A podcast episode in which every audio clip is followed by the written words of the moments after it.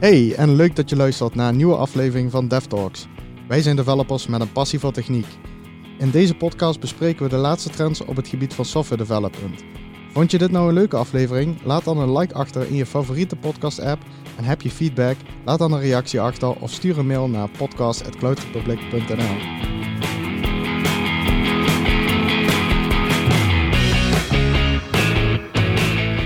Hallo en welkom allemaal bij een nieuwe aflevering van DevTalks. Vandaag gaan we het hebben over MS Build. Die uh, conference die was uh, van 25 uh, eh, mei tot en met 27 mei. En ik zit hier natuurlijk met Dibra Mulder. Hallo. En ja, Dibran, de, de jaarlijkse Build Conference is weer geweest. er zijn wat leuke dingen aangekondigd. Uh, voor Azure, voor, voor de net developers, maar ook uh, voor... Uh, Power Platform, Power, Power BI, Platform, eigenlijk gewoon alles Microsoft. Dus alles Microsoft inderdaad, ja. dus laten we, laten we snel van start gaan. maar we beginnen even met een highlight specifiek voor Build. Ik moest wel zeggen, ik vind, vond het wel lastig om heel veel te kijken. Dus ik heb wel zeker de keynotes gekeken, een paar specifieke sessies. Maar ehm, daarna heb ik toch gewoon veel geschreven, content gelezen, Book of News en de blogposts en dergelijke van uh, Microsoft. Mhm. Maar iets wat er uitsprong, wat mij betreft, was uh, uh, ja, Azure PaaS, dus Azure Functions, Azure App Services, via Arc gedeployed, Azure Arc gedeployed op bijvoorbeeld een Kubernetes cluster. Want mm Azure Arc heeft nu ja, Kubernetes als, ja, als zeg maar hosting option.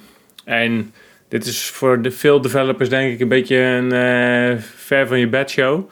Maar met Azure Arc kun je eigenlijk Azure draaien op je eigen infrastructuur. Dus daarmee kun je zeg maar uh, ja, ervoor zorgen dat je een stukje Azure spullen kan draaien. Bijvoorbeeld on-premises of in een andere cloud of uh, op de edge, dat soort zaken. En nu kun je dus ook gewoon als je een function app aanmaakt kun je dus gewoon uh, Azure Arc kiezen. En daarmee kun je het dus nu naar een ander Kubernetes cluster deployen. En dat vind ik wel cool. Dus daarmee opent uh, zeg maar de deuren voor, weet ik veel, app services op AWS of uh, app services on-premise of function apps on-premise. Het wordt allemaal wel veel flexibeler waar het draait. vind het wel ja, precies. Ja, ja, zeker. Want ik denk, ik denk ook... Um ja, je hebt ook zo'n dingen als uh, bijvoorbeeld Logic apps of zo'n uh, functions inderdaad. Uh, ik heb nog geen um, use case gehad waar ik dit had moeten implementeren of nodig had. Maar ik denk wel dat het handig kan zijn als je bijvoorbeeld al een Kubernetes cluster lokaal draait bij jou. En je hebt bijvoorbeeld je wil Logic apps uh, gebruiken en het moet lokaal komen, nou, dan kun je dat in principe gewoon uh, met, uh, met Azure Arc oplossen nu. Ja, dus ik denk dat veel bedrijven nu noodgedwongen kiezen tussen PaaS en Kubernetes. En dit brengt wel de productiviteit van PaaS in je Kubernetes cluster. Dus je kunt in één keer Azure Functions gebruiken en je kunt het deployen in je Kubernetes cluster, waardoor je zeg maar ja, al je voordelen van je gecontroleerde omgeving van uh, Kubernetes, wel hebt. Mhm. Dus het brengt die werelden gewoon dichter bij elkaar. Dus ik vind dat wel een, uh, ja, ik vond dat een hele mooie, toch ook fundamentele uh, ja, aankondiging op beeld. Ja, zeker. Ja. En jij? Wat voor jij nou ja, bij mij zijn het allemaal kleine dingen die uh, bij elkaar toch wel uh, interessant zijn, vind ik. Bij mij is het uh, de, de move die Apple al eerder dit jaar gemaakt had naar ARM.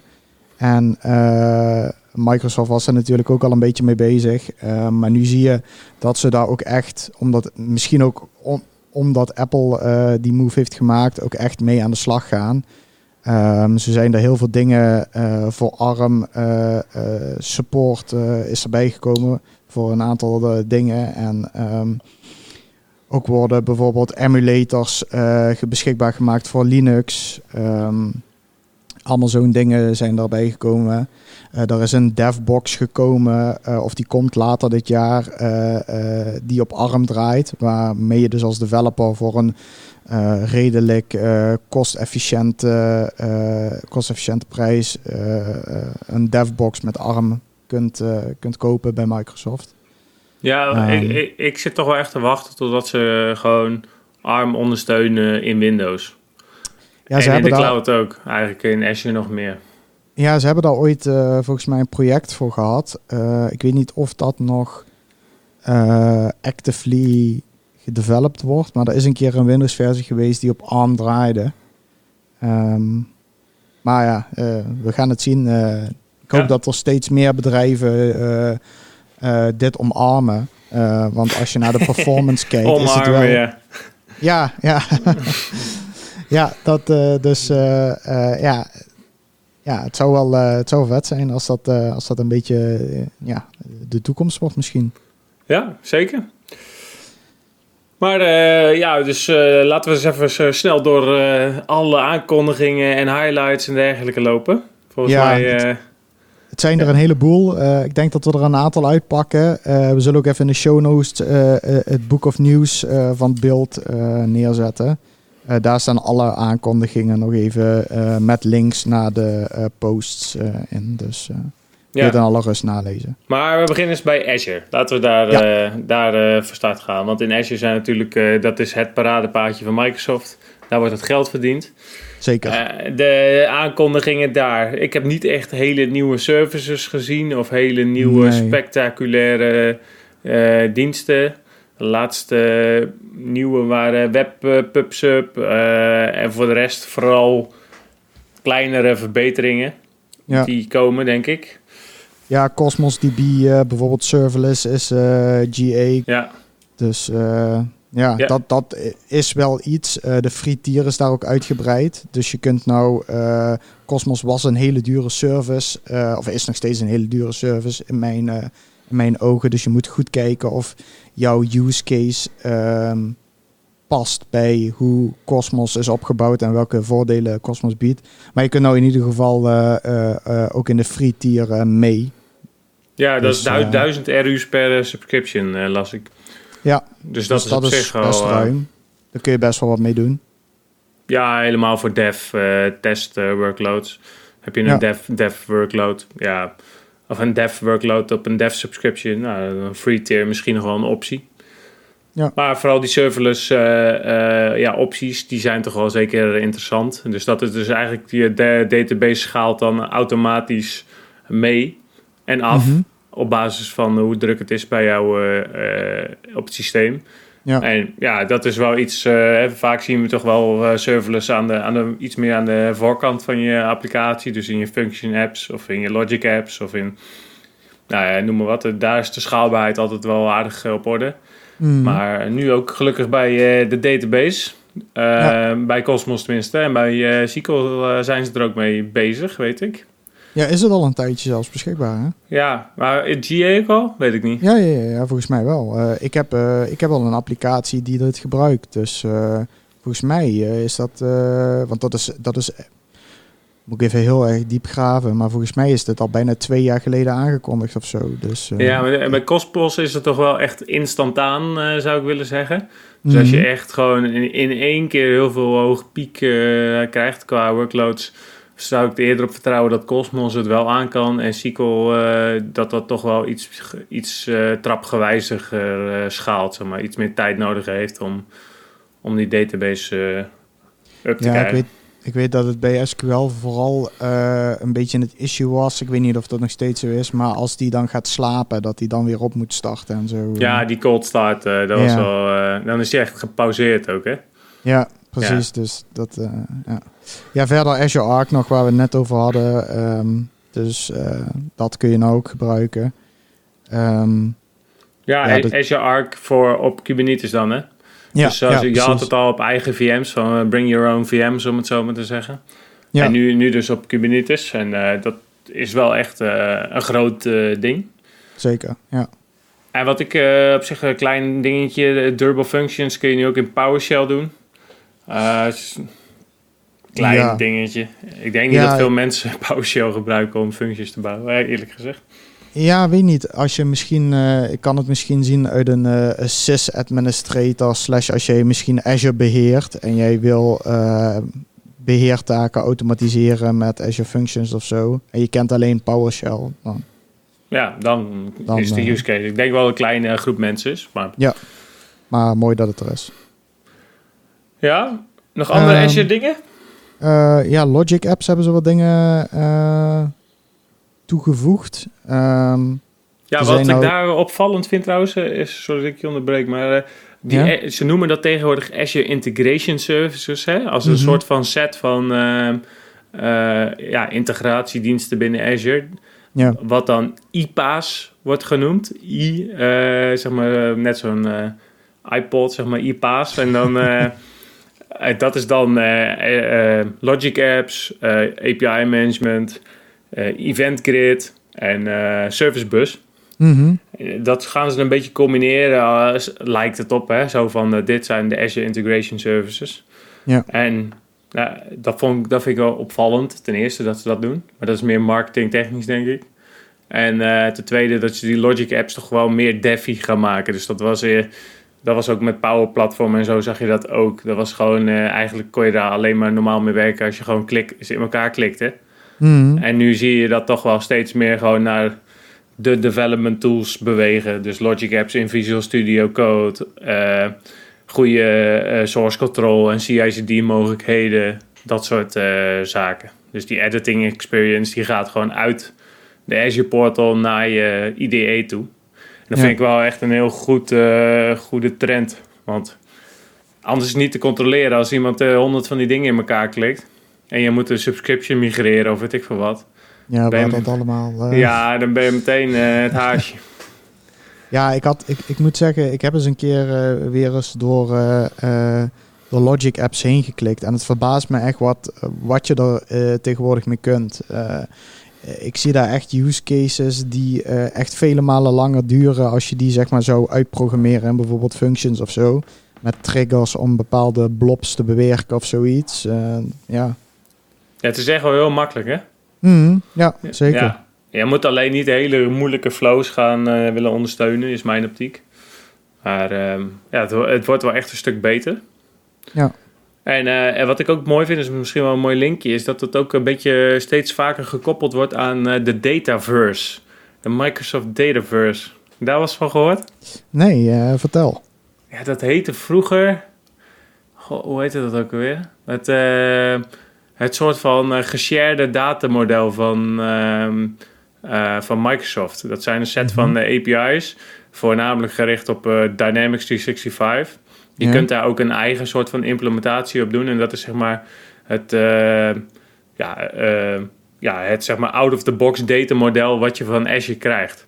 En dat Mhm. is heel erg goed in eh datapompen van ERP-systemen naar Logic Apps, naar ja, zeg maar andere systemen. Dat is zeg maar Ja. je soort van eh datasnelweg binnen Azure. En als jij ervoor kan zorgen dat jouw datamodel daar ook in bekend wordt, dan krijg je, krijg je zeg maar out of the box heel veel connectors daarvoor. Ah, oké. Ja. En eh, eh, Dataverse wordt nu ook ondersteund in Azure Synapse.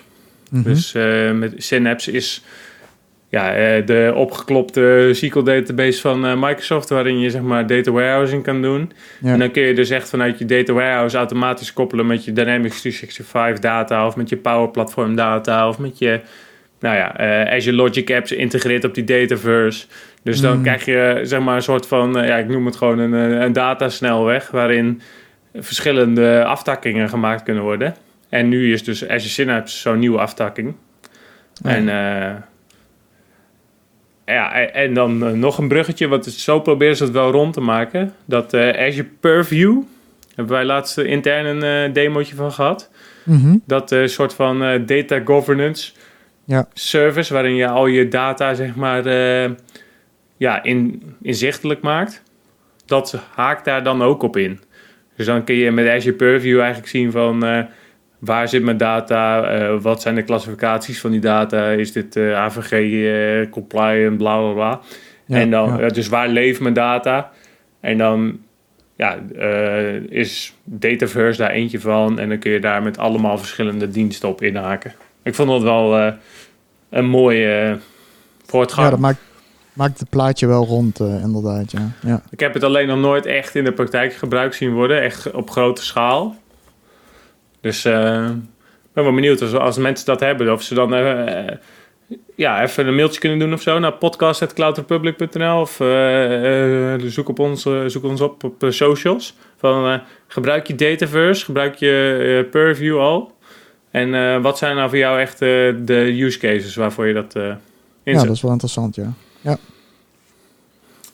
Ehm, dan Azure Bicep 4, of 0.4.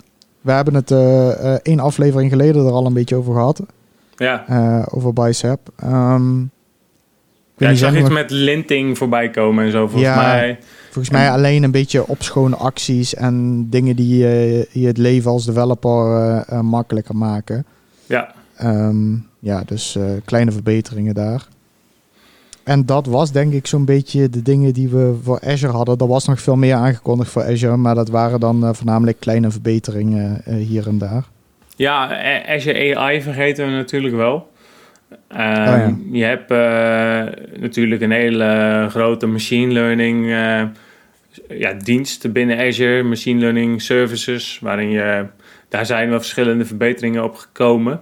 Mm -hmm. maar een van de grootste dingen is nu dat je, ik vond het, het is niet echt een dienst binnen Azure, maar meer een soort van, ja, of niet, een, niet een software dienst, maar meer een uh, ja, hoe noem je dat? Gewoon een, uh, een andersoortige dienst die Microsoft nu levert. En dat is PyTorch Enterprise. Dus als jij via, als jij een bepaald contract hebt bij Microsoft, een enterprise contract, dan heb je nu ook automatisch een enterprise contract bij PyTorch. En PyTorch is naast TensorFlow toch wel de, de de facto uh, ja, Python machine learning library. Dus daarmee krijg je dus ook, ook andere soortige support, uh, ja, support beschikbaar en dergelijke. En daarmee zie je dus ook dat Microsoft wel echt inzet op die, die relaties met uh, TensorFlow en PyTorch. En dat ze dat dus wel echt als first class citizens in hun machine learning diensten gaan ja, opnemen. Dus ga, ben jij bezig met machine learning en ga jij op uh, van, van Azure gebruik maken wat betreft machine learning, kijk dan zeker naar PyTorch ook in je beslissing van welk framework je gaat gebruiken. Want dat is wel belangrijk. Zeker, zeker, ja. Vooral als je het dan de standaard bij krijgt. Ja. En ze had ook Open AI GPT 3. Mm -hmm. Kijk, weet je nog wat dat is? Heel vaag, maar jij wel. Ja, ja, ja. De, dat, ik zie dat namelijk dat, is, dat zo'n uh, heel groot eh, project is dat van uh, OpenAI. Volgens mij duurde het trainen van dat model kostte alleen al aan Azure Centjes 1,2 miljoen per uh, trainingsiteratie, zeg maar. Nice. Dus, en dat is zeg maar OpenAI, zeg maar GPT-3, is zeg maar een initiatief om General Artificial Intelligence te verwezenlijken. En dat betekent dus eigenlijk een mhm. AI die, die niet voor één taak is, maar die kan, je al, die kan eigenlijk al je vragen beantwoorden, om het zo maar te zeggen. Ja. Zegt ze een beetje level Cortana, uh, Siri, uh, dat soort dingen. En, uh, Maar ja, omdat het op Azure getraind wordt, heeft Microsoft daar dus ook een licentie voor dat zij dat in mogen zetten. Mm -hmm. En zij zetten dat nu dus al in in Power Apps. Dus dan krijg je in Power Apps, kun je bijvoorbeeld zeggen van, nou, ik wil uh, ik wil een bepaalde business rule implementeren.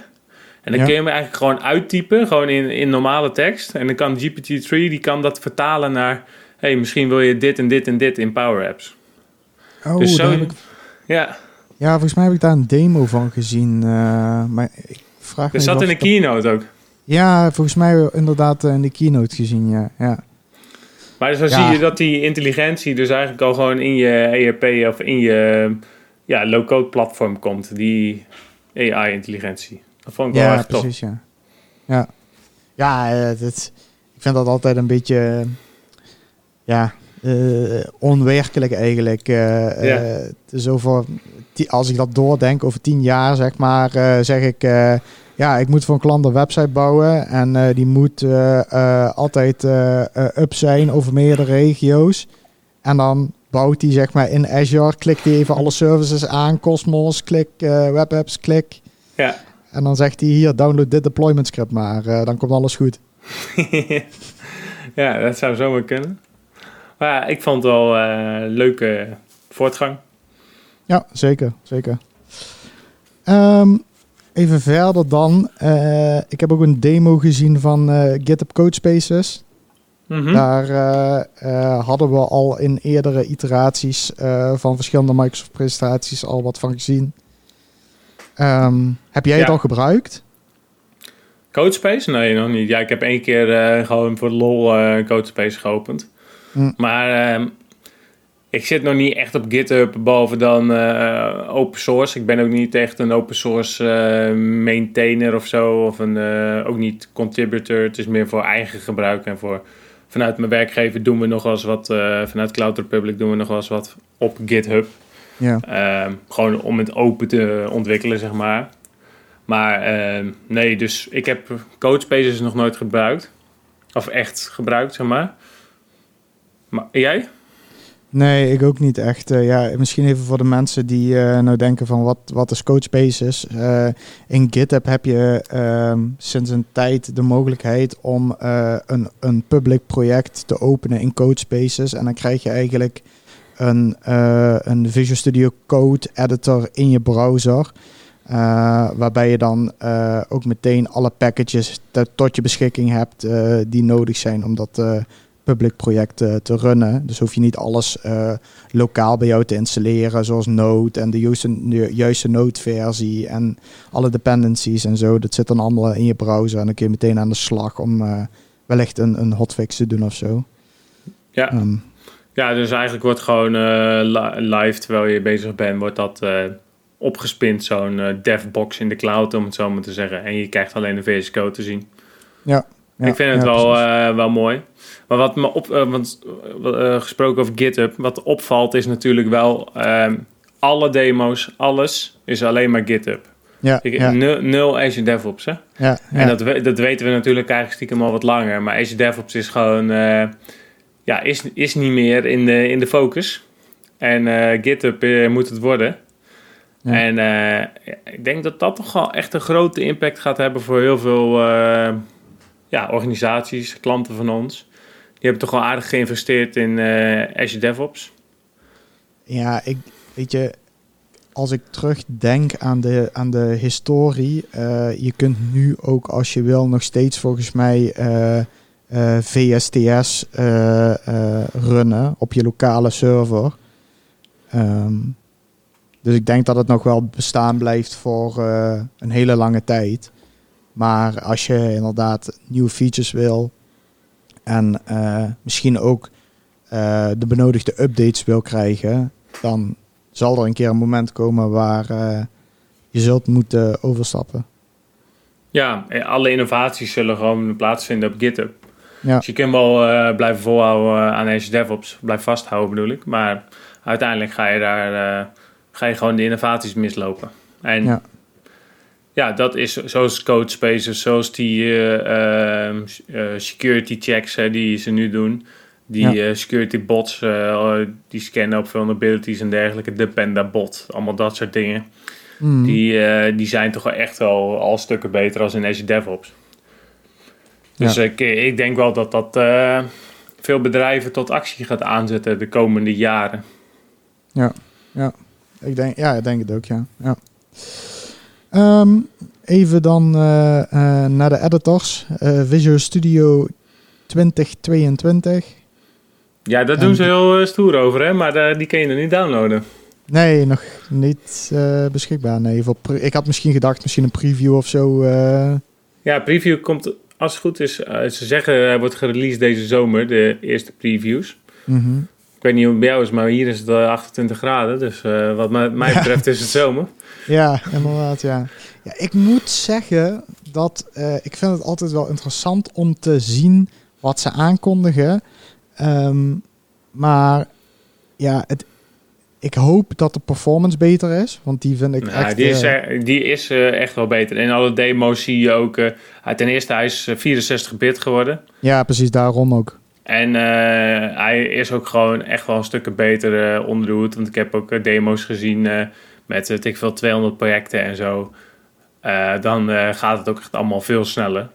Ja, Dus ja, ik verwacht dat dat wel goed komt. ja, ja, ik, ik persoonlijk gebruik nog steeds Rider uh, op het moment. Uh, Ja. Dus ik, ja, ik ben echt benieuwd of dit een versie wordt die mij eh, doet overhalen om terug te gaan naar Visual Studio. Ehm, maar ik verwacht het eigenlijk niet.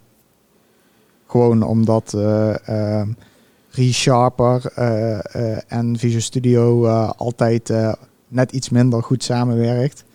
En ik toch wel een fan van ReSharper ben. Dus dan, dan blijf ik wel lekker op Rider zitten. You Daar, hate zullen- it or you love it.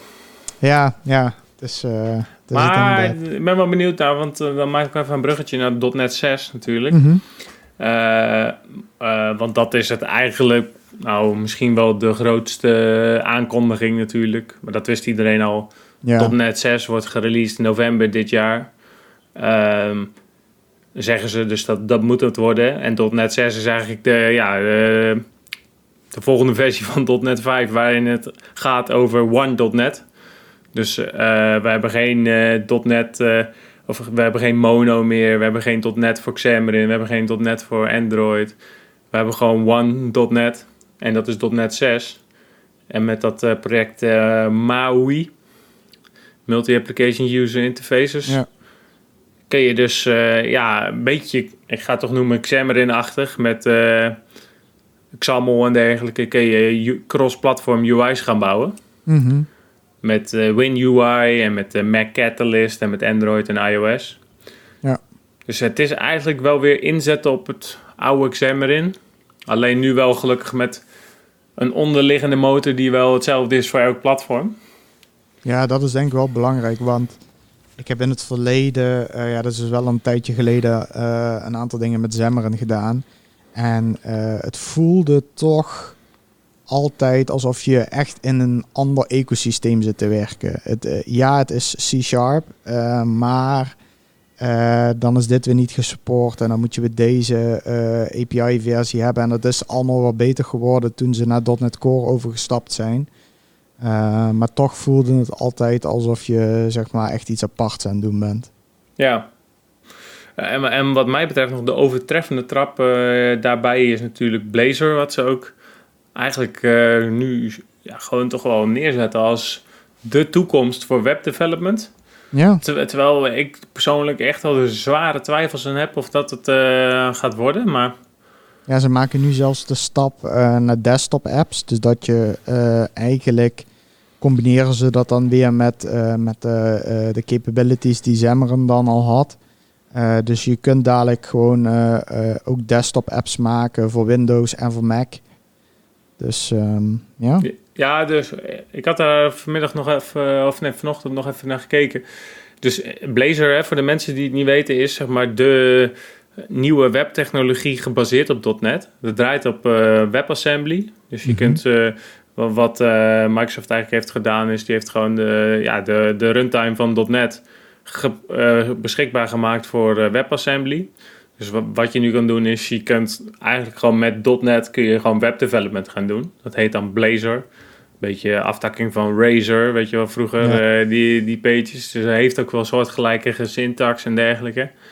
Um, maar omdat dat dus .NET is, kun je ook diezelfde Blazor componenten die je gebruikt, kun je dus eigenlijk weer in je MAUI projecten gaan opnemen. Dan krijg je gewoon een Blazor component in je XAML en dan kun je dus eigenlijk al je web development ja, .NET uh, spullen, die kun je dan eigenlijk dus in je MAUI apps gaan hosten. Ja. Dus dan kun ja, je dus eigenlijk ervoor zorgen dat je, dat je website gewoon een native desktop app gaat worden. Ja, ja, inderdaad. Ja, ik uh, interview gezien met, uh, met Scott Hunter en die zei ook inderdaad uh, van we kennen dit eigenlijk al allemaal een beetje van Electron, waar Slack, Visual Studio Code en allemaal dat soort teams volgens mij ook, waar allemaal dat soort applicaties op draaien. Alleen Blazor kan dat dan ook binnenkort. dus je kunt gewoon je website pakken en daar een, een, een fatsoenlijke desktop app van maken. Ja, met de voordelen van .NET, wat dus ja. hoop, hopelijk performance gaat, winst gaat opleveren.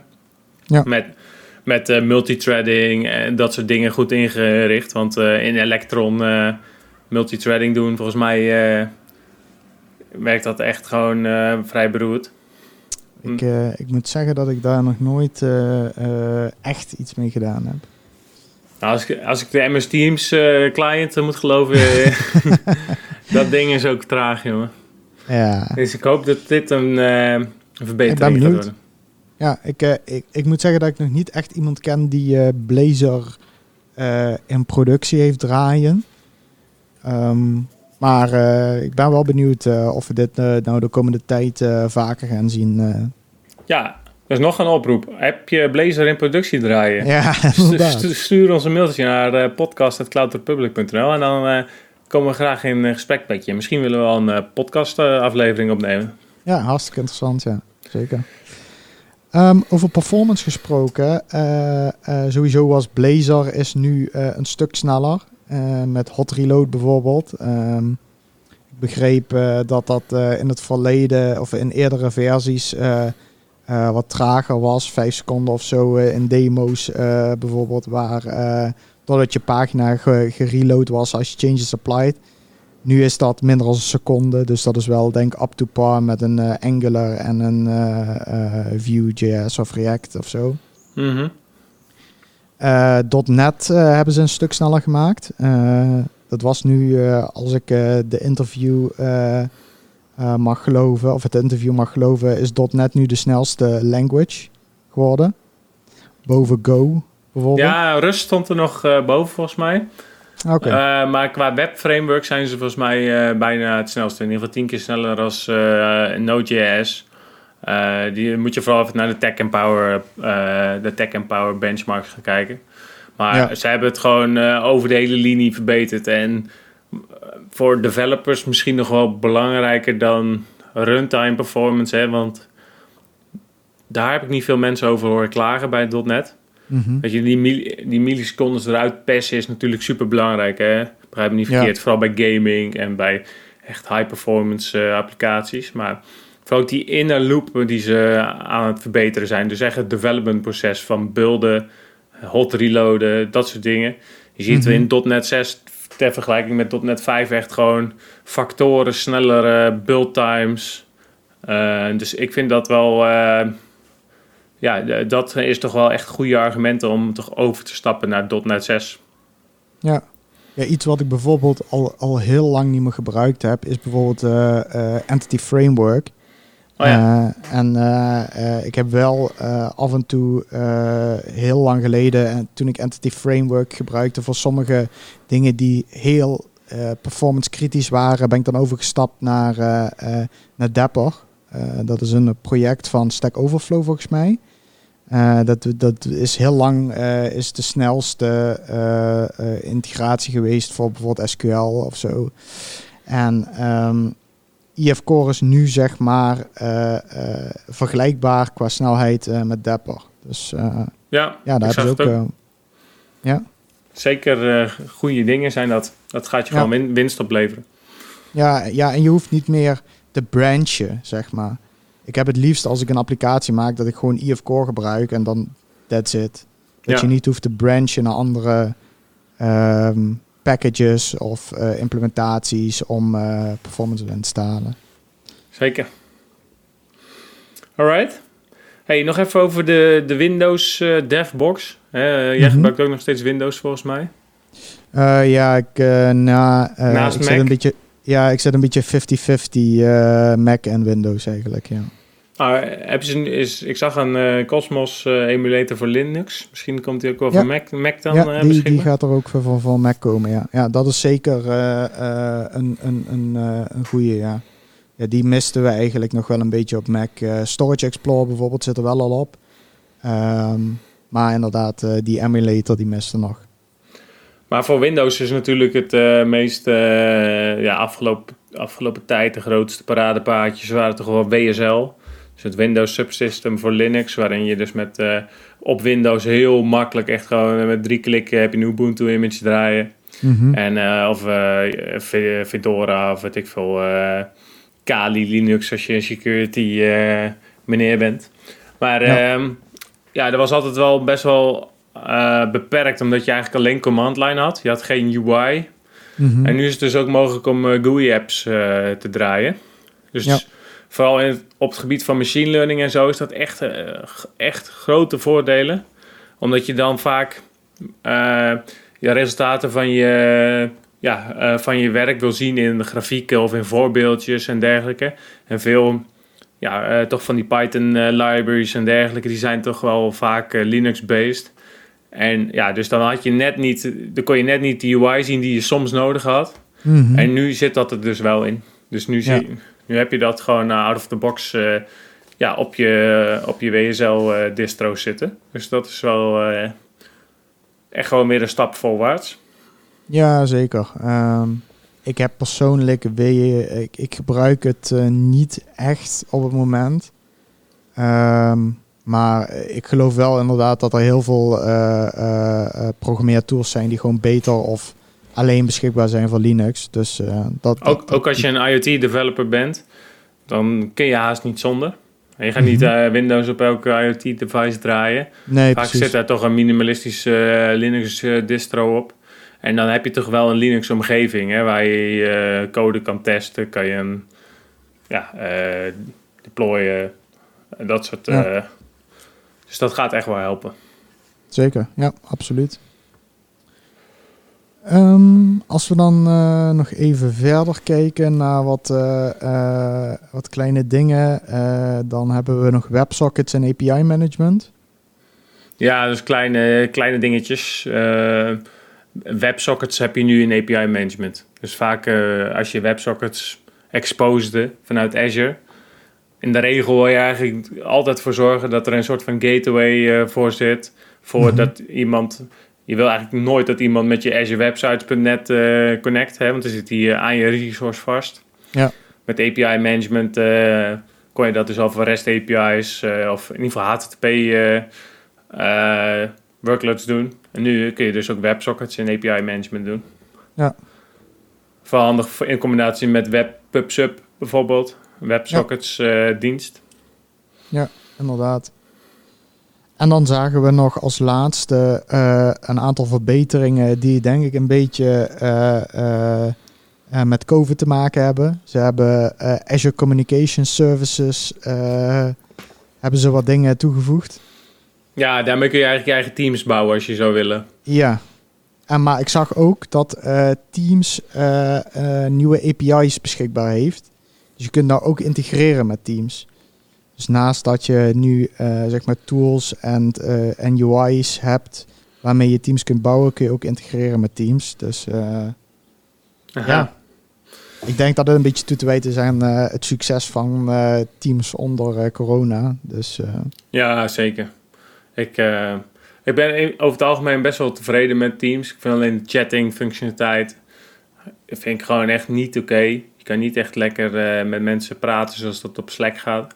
Mhm. Het is gewoon Ja, minder, intuïtief. Je moet meer echt gesprekken starten, ook in Teams channels en dat, dat soort dingen. Ja. Maar bijvoorbeeld, ik zie steeds meer mensen die gewoon wel... Ja, echt alle Office 365 apps die er zijn, gewoon in Teams gebruiken. Dus mensen die met lists in één keer eh, dingen inzichtelijk maken... of eh, eh, een soort van eh, w- werkprocesjes, soort van kanbans maken in eh, Microsoft Teams... Mhm. Eh, het wordt wel echt een soort van home eh, voor het team. En qua OneDrive en dergelijke gekoppeld, daar vind ik het wel top werken. Dus ja, er zijn best wel eh, goede dingen. Maar ik hoop gewoon dat het sneller wordt en dat die chatting op, de, op termijn ook beter wordt. Ja, vooral, vooral het feature, de feature die ik mis is dat je gewoon makkelijker eh, multi-omgeving kan zijn. Kijk, bij Slack kun je Ja. gewoon heel makkelijk switchen tussen eh, je klantomgeving en je, ehm, ja, je, je eh, privéomgeving, laat ik het even zo noemen. Eh, dat, dat, dat, dat mist echt. Dat is mijn grootste gemis bij Teams. Ja, ik zag ook al dat er 35.000 mensen dat eh geüpvote hadden of zo op user voice van MS Teams. En ook heel veel mensen die gewoon bijvoorbeeld accounts hebben van, eh, eh, van hun sportvereniging, van hun kerk of van hun eh, school van hun zoontje, school van of, je eigen account, je eigen privé-account. Ja. Het wordt echt onderschat hoe vaak mensen opnieuw moeten inloggen, zeg maar. Ja, precies. Ja, ja dus dat is. ja. Ik hoop dat ze het snel toevoegen. Ja, Zeker. Nou, dan heb ik niks meer op mijn lijstje staan. Uh, jij, Dibran? Nee, ik ook niet. Al met al vond ik het een best wel leuke beeld. Er zijn er toch wel weer, ondanks dat Microsoft steeds vaker gewoon dingen gewoon door het hele jaar door publiceert, zijn er mhm. toch wel wat leuke vorderingen geweest. En krijg je toch wel echt een paar dagen gewoon, ja, gewoon toegang tot heel veel content. Ja. Dus zeker de moeite waard om eruit te zoeken wat voor jou interessant was en daar, daar even een paar sessies over te kijken. Ja, ik vind vooral altijd, kijk bij .NET bijvoorbeeld, uh, omdat het gewoon ook open source is, je, je hoort er wel eens van, maar ik heb meestal niet de tijd om er uh, specifiek in te duiken en er eens mee aan de gang te gaan. Maar als je dan zo'n demo ziet, weet je wel, dan, dan heb je in een, misschien die demos die zijn ook niet zo, zo gek lang, 30 minuten vaak. Uh, heb je toch alweer een beeld van, oh ja, oh ja, dat is wel cool. Oh ja, ja, dat kan ik wel verwachten. En ja, dan ja. ben je wel up-to-date in ieder geval. Zeker. En uh, ja, wij zetten nog even de, uh, de links uh, naar de demo's en ook naar Book of News met alle links daarin in de show notes. En dan zeg ik voor nu bedankt, Tibran. Ja, graag gedaan. en jullie bedankt voor het luisteren. Uh, heb je feedback? Uh, stuur dan even een, uh, een mail naar podcast.cloudrepublic.nl. En zoals gezegd, als jij met bijvoorbeeld OpenAI of, of, of wat, wat zeiden we, Snapseed, ja, als je daar, Blazer. Blazer, als je daarmee bezig bent en het leuk vindt om daarover te praten met ons, stuur ik zeker even een mail. Dan kunnen we wellicht kijken of we daar een, eh, een, een mooie podcastaflevering van kunnen maken. Uh, vergeet ons ook zeker niet te, te volgen op Spotify. Geef ons een, een review op, op Apple Podcasts. En dan kun je nog ons volgen op Twitter, LinkedIn en Instagram. En dan zeg ik voor nu tot de volgende keer. Tot ziens.